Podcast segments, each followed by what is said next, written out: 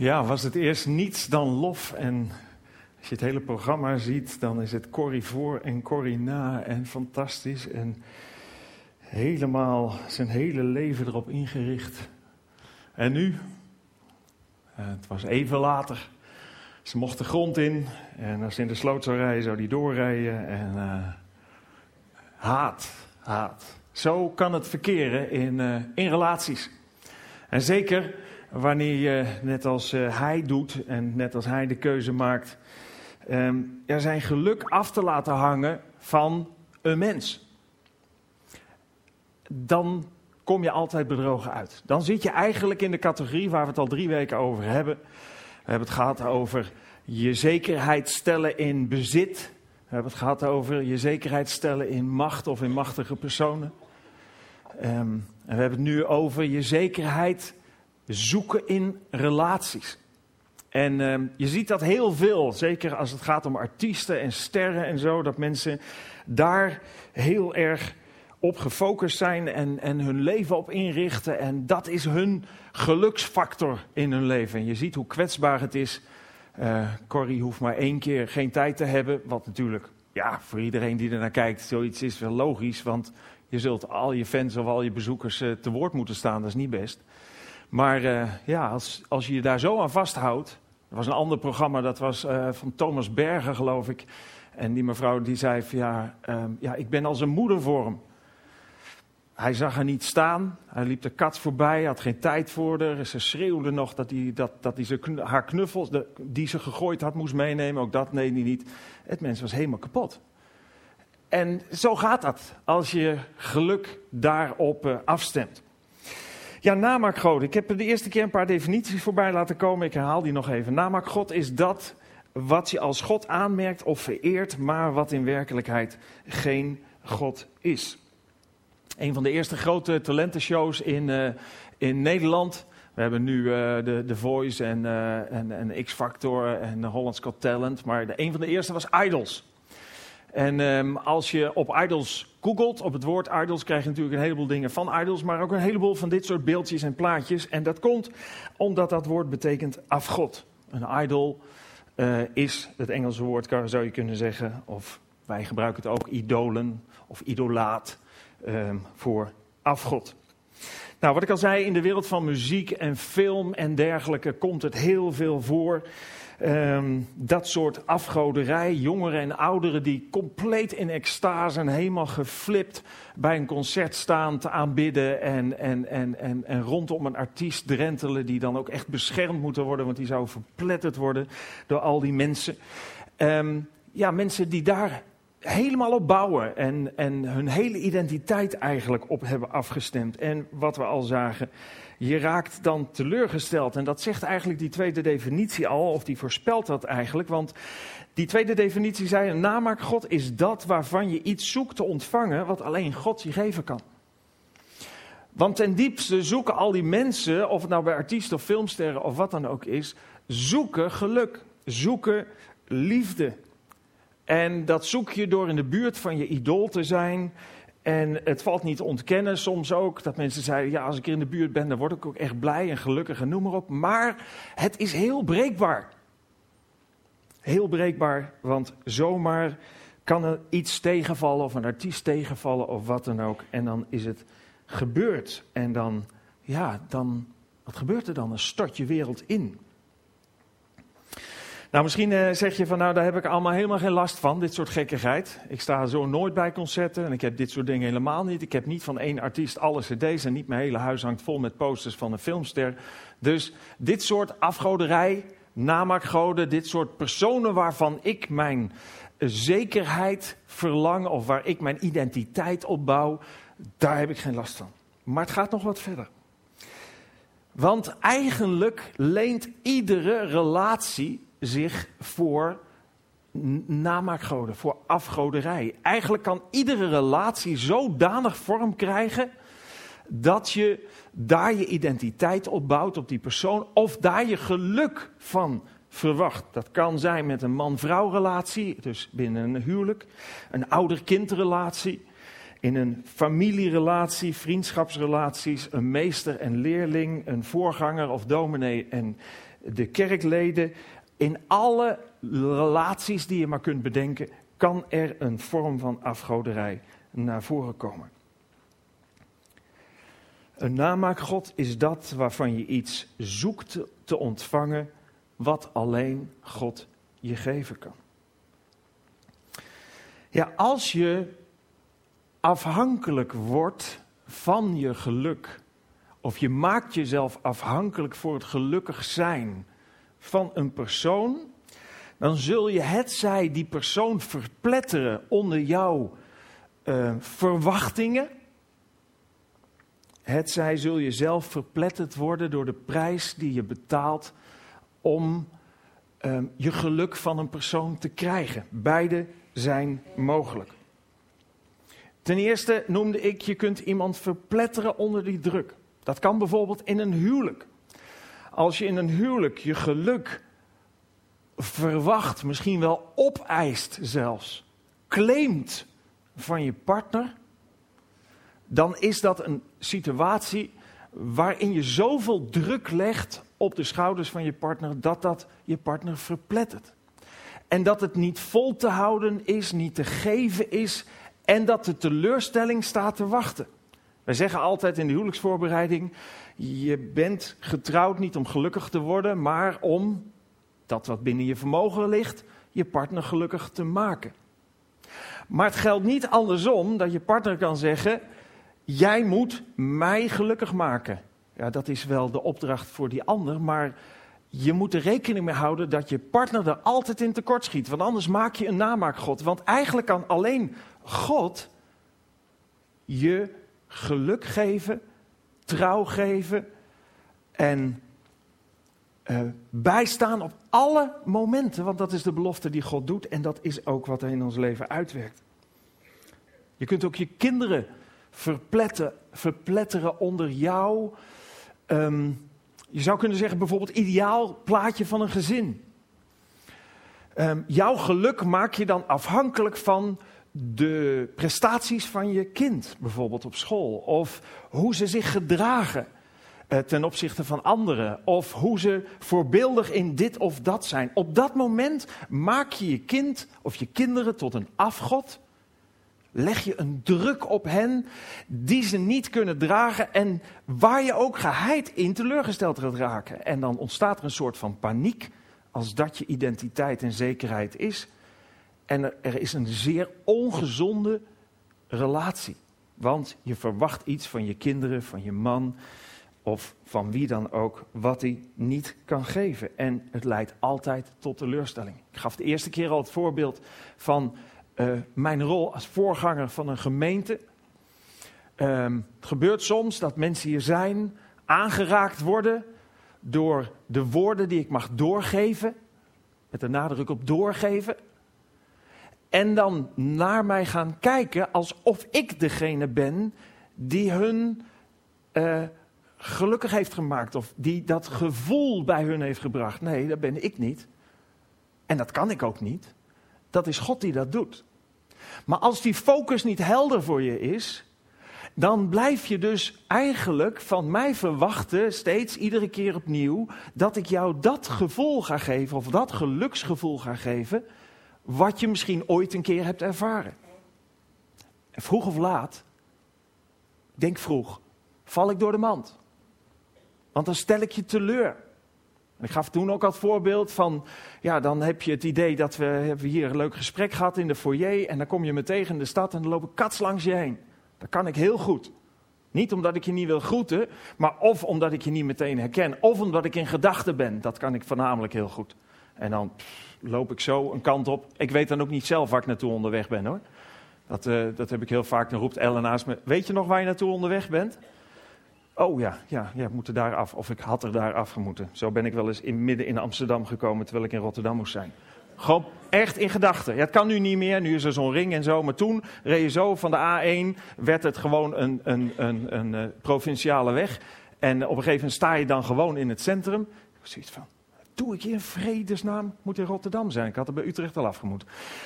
In gedachten. Nou, dat is dan iets wat ik heb. Maar op welke andere manier dan ook je stelt teleur. Dus het is heel belangrijk om je focus daar te hebben waar je geluk ook daadwerkelijk kunt vinden. de andere kant, niet alleen kun je mij verpletteren onder je verwachtingspatroon, ik kan jullie ook verpletteren onder mijn verwachtingspatroon. Ik denk, oh, ik wil de voorganger zijn van een ideale gemeente waar iedereen uh, lief voor elkaar is en, en, en, en altijd uh, blij is in, in de Heer en, en uh, feest altijd en ze helpen elkaar altijd en het geld stroomt binnen om, om ons werk te kunnen doen en al dat soort dingen. Ja, als ik mijn zekerheid stel op de gemeente, heb ik van jullie een afgod gemaakt. En heb ik een probleem, want vroeg of laat, en ook dat zal vroeg zijn, stellen jullie teleur. Want dat doen we naar elkaar. Wij kunnen elkaar niet geven wat God alleen geven kan. En waar we ten diepste wel naar verlangen. Want we zijn daarnaar op zoek. En andersom is het zo, je kunt zelf verpletterd worden door, um, ja, door een afgod in stand te willen houden door daar zelf in te investeren. Er stond een voorbeeld in dat boek van, uh, van Tim Keller, uh, waar deze serie op gebaseerd is, van een meisje die erachter kwam dat ze er wel heel goed uitzag. En uh, dat ze heel aantrekkelijk was voor jongens. En um, ja, daar, daar ging ze op bouwen. Haar identiteit was gekoppeld aan haar schoonheid. En, en, en ze vond die aandacht heerlijk en, en prachtig. Maar vroeg of laat gaat dat fout.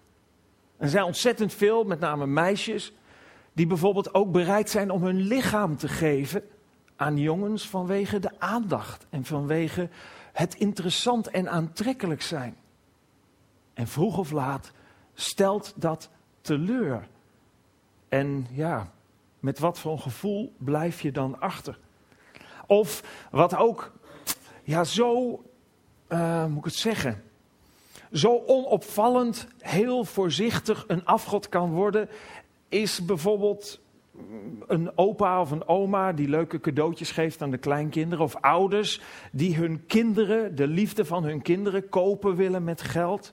Om maar hun aandacht en hun, hun zorg te houden en vast te houden. En het lijkt allemaal heel, ja, het is toch goed als je een keer wat krijgt. Of het is toch goed als je opa of oma eens een keer wat geeft of wat dan ook. Maar het is fout wanneer het is om dat te kopen wat alleen God geven kan. Onvoorwaardelijke liefde. En het sluipt er maar zo in. En kijken we in de eerste instantie, of bij de eerste dienst hadden we zoiets, nou wij distancieren ons meteen van wat, wat bij ons afgoderij oproept. Het eh, dansen om een totempaal of om een vuur of, of, of wat dan ook. En, en misschien als je zo'n filmpje ziet, denk je, nou dat is, uh, heb ik helemaal niks mee. Maar het kan maar zo zijn dat het eens een keer heel wat dichter bij je toch zo is dat jij een stuk geluk en een stuk identiteit in je leven ontleent aan mensen. Of dat jij een stuk geluk probeert te kopen bij mensen. En dat je daar afhankelijk van wordt. Het is voor mij bijvoorbeeld altijd belangrijk om me te realiseren dat niet ik hier moet stralen, maar dat Christus moet stralen. Daar gaat het om. En dat als mensen bijvoorbeeld na de dienst zeggen, dat was een mooie toespraak of een mooie preek of wat dan ook, dat ik me ook realiseer, dat is niet voor mij, dat is voor God. Want het is, ik ben het niet die het doet, ik sta hier wel, maar ik mag het doorgeven. Ik ben een doorgeefluik. Maar voor je het weet, heb ik ook het risico dat ik op die manier afhankelijk wordt van wat mensen zeggen of vinden. Ja, misschien zit jij hier en ben jij wel degene die je geluk verwacht heeft van je partner of van je kinderen? Of van je vrienden? En heb je ze verpletterd onder jouw verwachtingspatroon, onder jouw behoeftes en zijn relaties daardoor kapot gegaan? Of misschien ben jij wel degene die zo geïnvesteerd heeft om die aandacht van de ander. En is het ondanks al je inzet en inspanningen en moeite verkeerd gegaan, kapot gegaan en sta je nu met lege handen? Dan mag je weten dat ook voor jou die onuitputtelijke bron van liefde en geborgenheid en hoop beschikbaar is waar zo naar verlangt.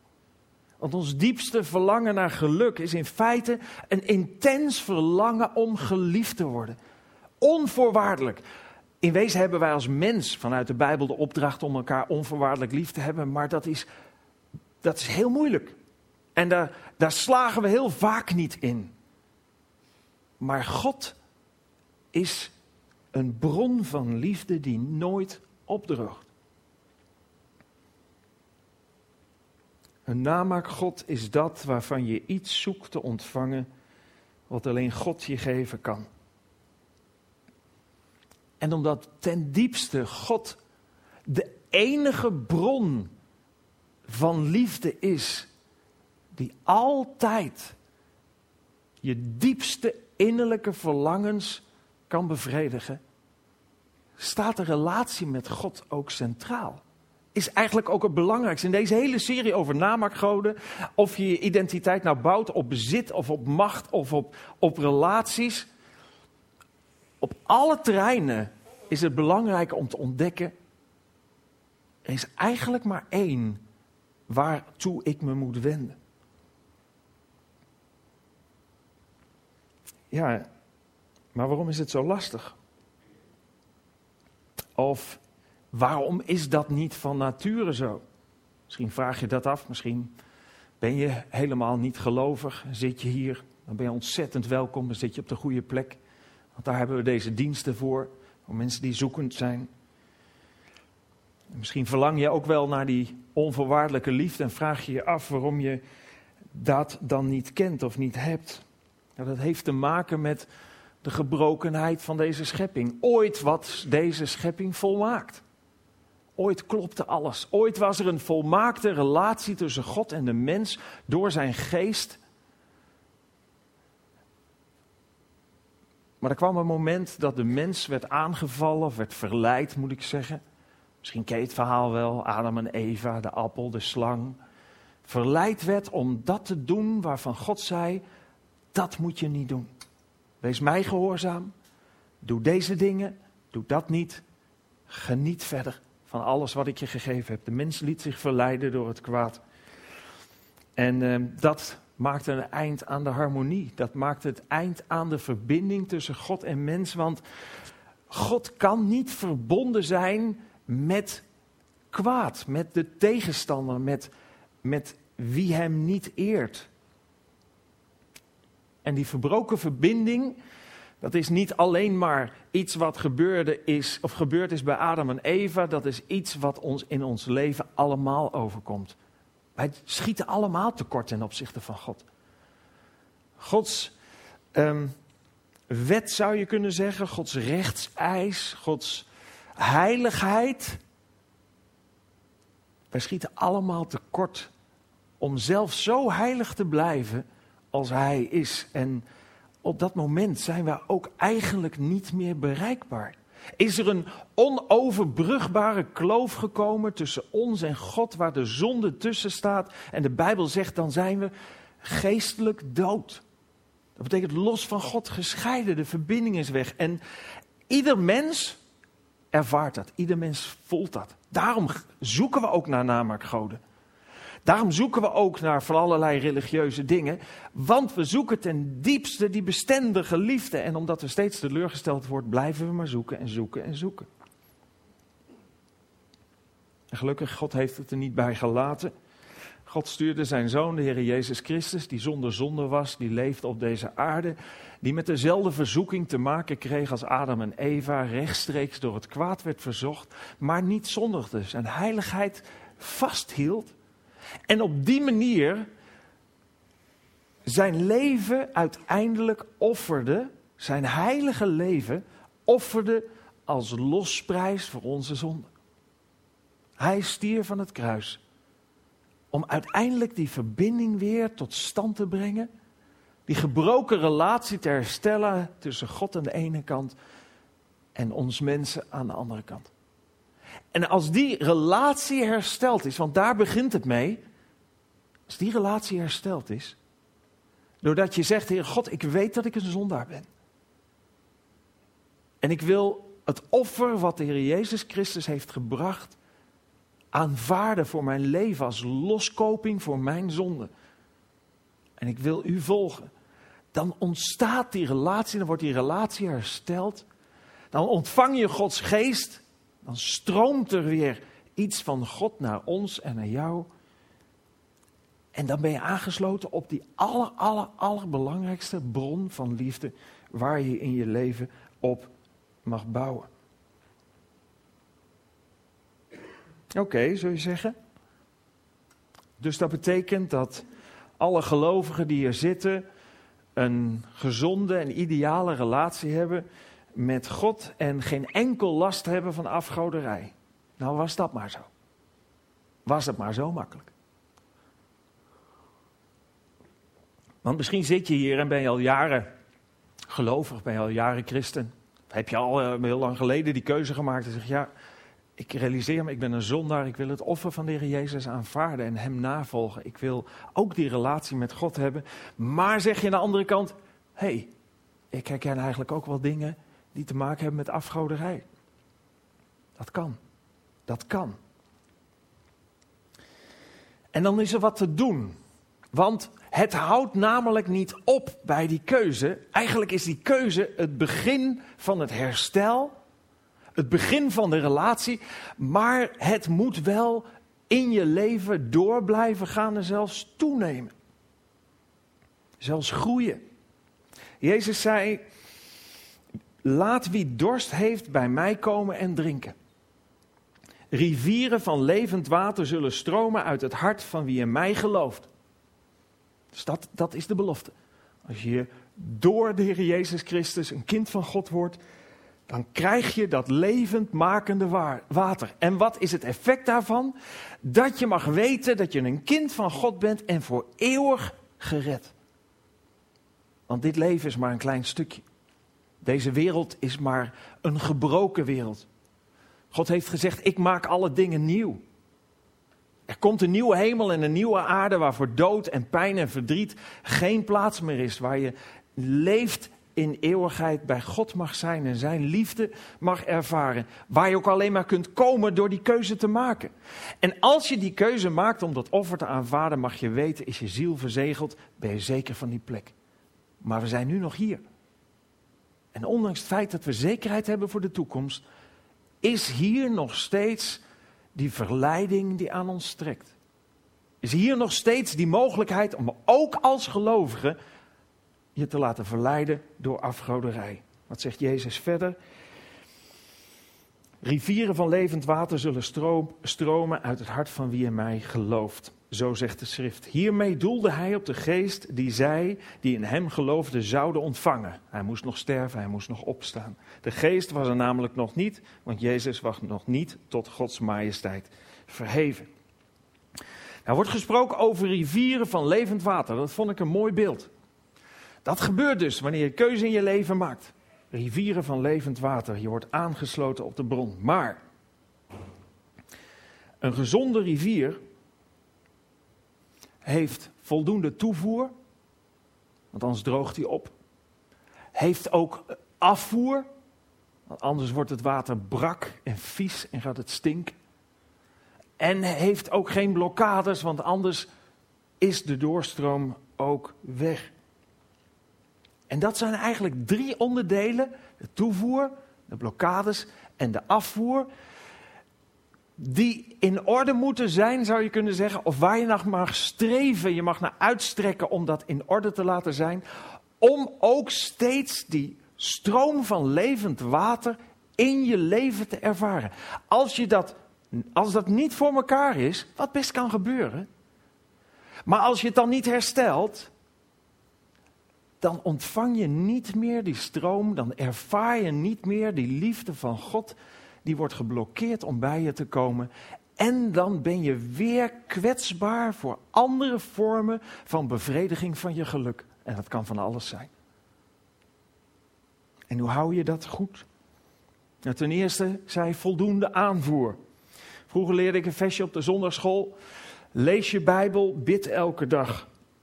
Leven vanuit een relatie met God. Ik merk in mijn eigen leven, als ik dat niet doe, en ik heb uiteraard hele goede redenen om dat niet te doen. Want ik ben namelijk heel druk om het evangelie uit te dragen. Maar als ik dat doe, als ik dus die tijd met God niet neem, als ik zelf niet uit zijn woord lees voor mijn eigen leven, maar alleen maar lees om het uit te delen hier, dan merk ik dat ik opdroog. Dat mijn toevoer ophoudt. En dan merk ik dat ik kwetsbaar word, want ik ga dan ook die stroom van levend water missen en andere wegen zoeken om gelukkig te worden. Dan ga ik me misschien afhankelijk maken van jullie complimentjes of me afhankelijk maken voor wat dan ook. Wat mij op dat moment gelukkig maakt. Het geldt voor ons allemaal. Om die stroom van levend water te houden in je leven is het belangrijk om steeds opnieuw je relatie met God open te houden. Tijd voor gebed te nemen. Een poosje geleden zongen we het lied Sitting at the Feet of Jesus. Het ging over Maria en Martha. Martha die druk aan het werk was, Maria die aan de voeten van Jezus ging zitten, tijd nam om met hem te zijn. Je kunt gerust denken dat het niet nodig is. En het belemmert echt je eeuwigheid niet.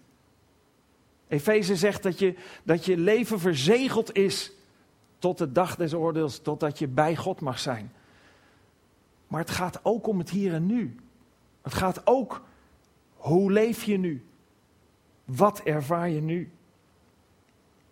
In Matthäus 11 staat dat Jezus zegt: Kom tot mij, alle die vermoeid en belast zijn, en ik zal je rust geven. Neem mijn juk op u en leer van mij, want ik ben zachtmoedig en nederig van hart.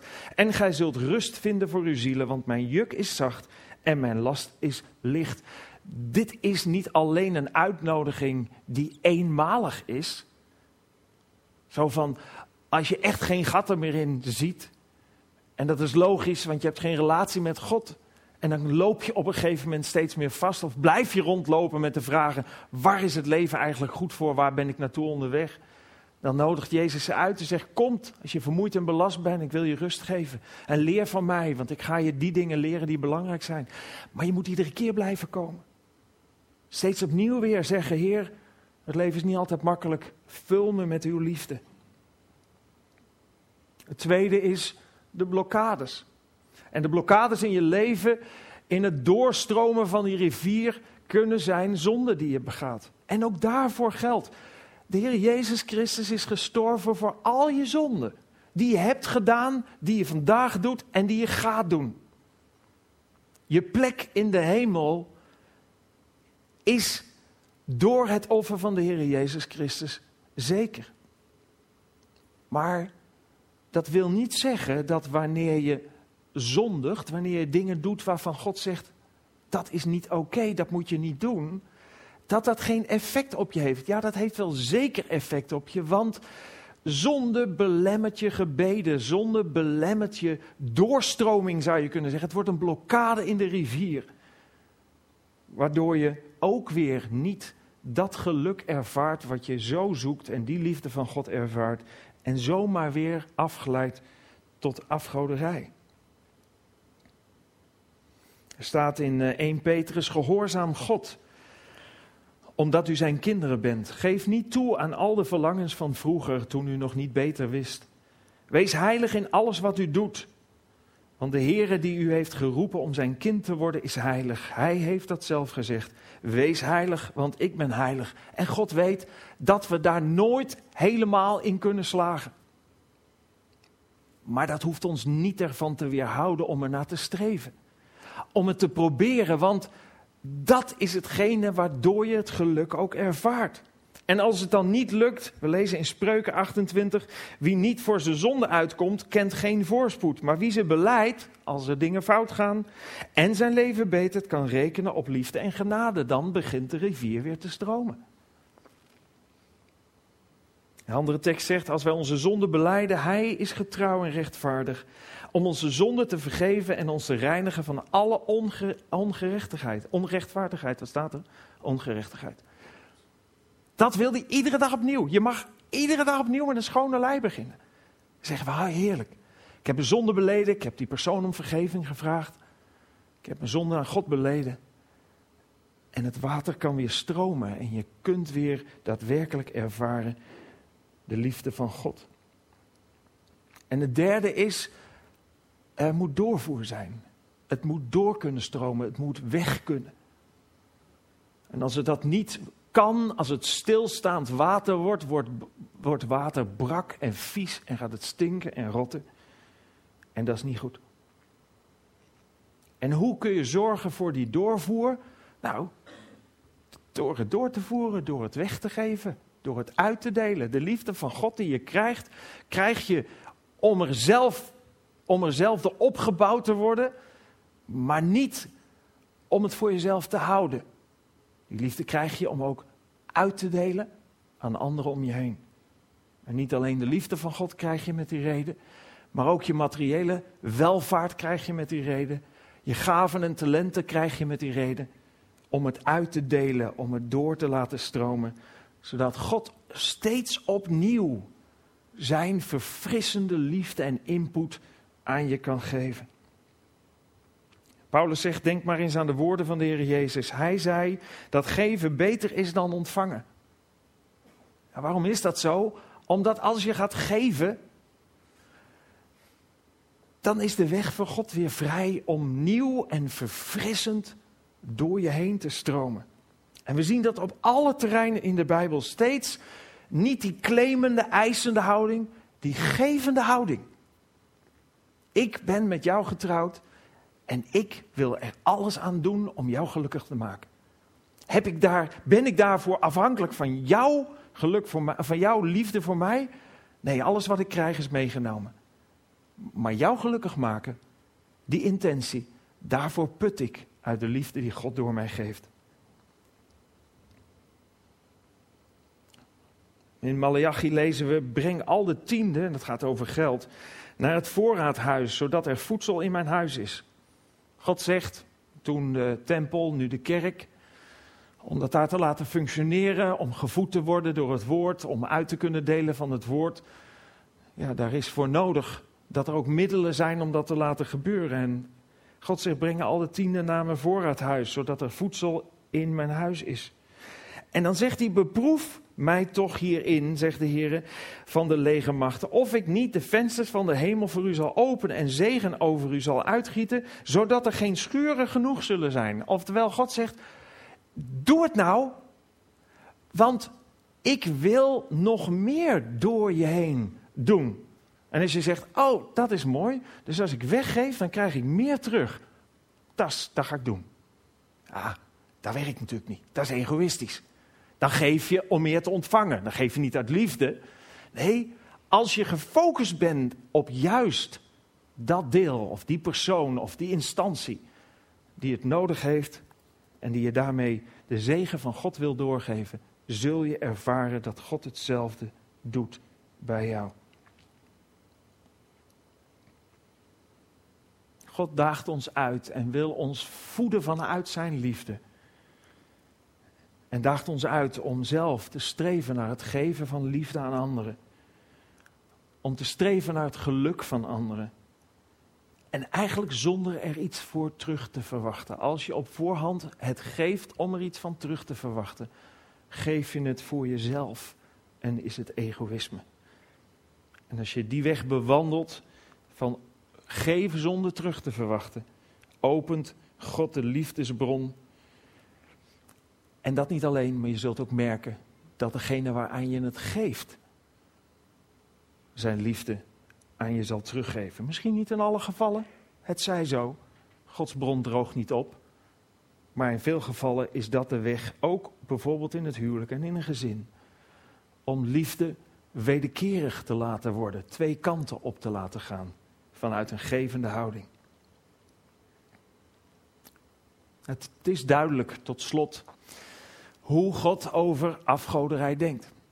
Hoe groot het verlangen is van God om ons duidelijk te maken: laat je niet verleiden om je zekerheid, om je identiteit, om jouw verlangen naar liefde en geborgenheid afhankelijk te maken van goederen of van macht of van personen.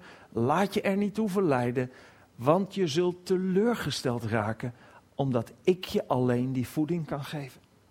En we lezen in de Bijbel, dat zijn best pittige woorden, in uh, Jeremia 17, dit zegt de Heer, vervloekt is wie op mensen vertrouwt. God zet het even zo duidelijk mogelijk neer. Wat je jezelf aandoet, wanneer je op mensen vertrouwt. Vervloekt is wie op mensen vertrouwt. Zijn heil zoekt bij wie sterven moet, of bij stervelingen. En mij de rug toekeert, want ja, dat is het. Je kunt geen twee heren dienen, zegt de Bijbel. Hij is als een kale struik in een steppe. Nooit krijgt hij regen. Hij staat op droge woestijngrond in een onvruchtbaar, onbewoonbaar gebied. Nou, je bent dus gewoon ongelukkig als je dat doet. Je droogt uit, je droogt op. Je moet van allerlei wegen bedenken om weer dat beetje liefde bij elkaar te verzamelen. En daarom wordt er zoveel liefde gekocht. Omdat we het op een andere manier niet krijgen of niet kunnen vinden.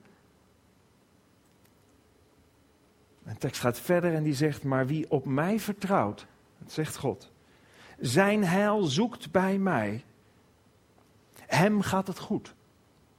Hij is als een boom geplant aan een rivier, zijn wortels raken het water. Hij heeft geen last van de hitte, zijn bladeren blijven groen. Hij lijdt niet onder de droogte, altijd draagt hij vrucht. Waarom is dat zo? Omdat de wortels van deze boom in God zijn. Omdat de afhankelijkheid bij God ligt. En er staat niet in deze tekst dat er nooit meer iets negatiefs gebeurt in je leven. Nee, want er staat dat er droogte kan komen. En uh, hitte kan komen. Oftewel, je kunt best lastige situaties in je leven meemaken. Maar je blijft nog steeds vrucht dragen. Je bladeren blijven nog steeds groen. Je wordt niet onderuit geschoffeld als Corrie Konings je niet wil spreken. Of als Thomas Berger langs je heen loopt. Of als de gemeente je teleurstelt. Of als de voorganger je teleurstelt. Of als je baas je teleurstelt. Of je vrouw of man. Dat zijn allemaal onderdelen die kunnen gebeuren. Maar dan kun je zeggen: mijn identiteit, mijn zekerheid, mijn geluk is verankerd in God. Ik kan dit handelen. Ik kan hiermee overweg. Nee, het is niet fijn. Het is niet leuk. Maar mijn zekerheid ligt bij God. Zijn liefde houdt nooit op te bestaan. En misschien heb je wel herkend in het verhaal, in voorbeelden. Je denkt, ja, ik heb ook heel veel liefde gekocht. Ik heb heel veel van mezelf weggegeven. Ik ben maar steeds achter die dingen aangelopen die me niks gaven uiteindelijk. En je hebt het intense verlangen om dat te veranderen. Dan zegt God tegen je vandaag: geef mij al die dingen. Geef mij al die gebrokenheid. Als je moe bent om steeds maar achter die regenbogen aan te lopen en die potjes goud die daar zouden moeten staan. Als je vertrouwen hebt gesteld op je speelgoed. Noem het even zo, want ik ga een lied zingen en daar komt dat zo in naar voren. Dan zegt God: geef het allemaal aan mij. Geef het aan mij en krijg daarvoor in de plaats de liefde waar je ten diepste naar verlangt. Misschien zul je en kun je en wil je dat vandaag voor de eerste keer doen. Misschien wil je het opnieuw doen, omdat er een hoop dingen tussen jou en God in zijn komen te staan. Omdat je niet je aangesloten hebt bij de bron, omdat er blokkades zijn in je leven, of omdat je op alles zit wat God je heeft gegeven, maar er niks van uitdeel, uitdeelt. Het lied wat ik ga zingen heet Give Them All. Give Them All to Jesus.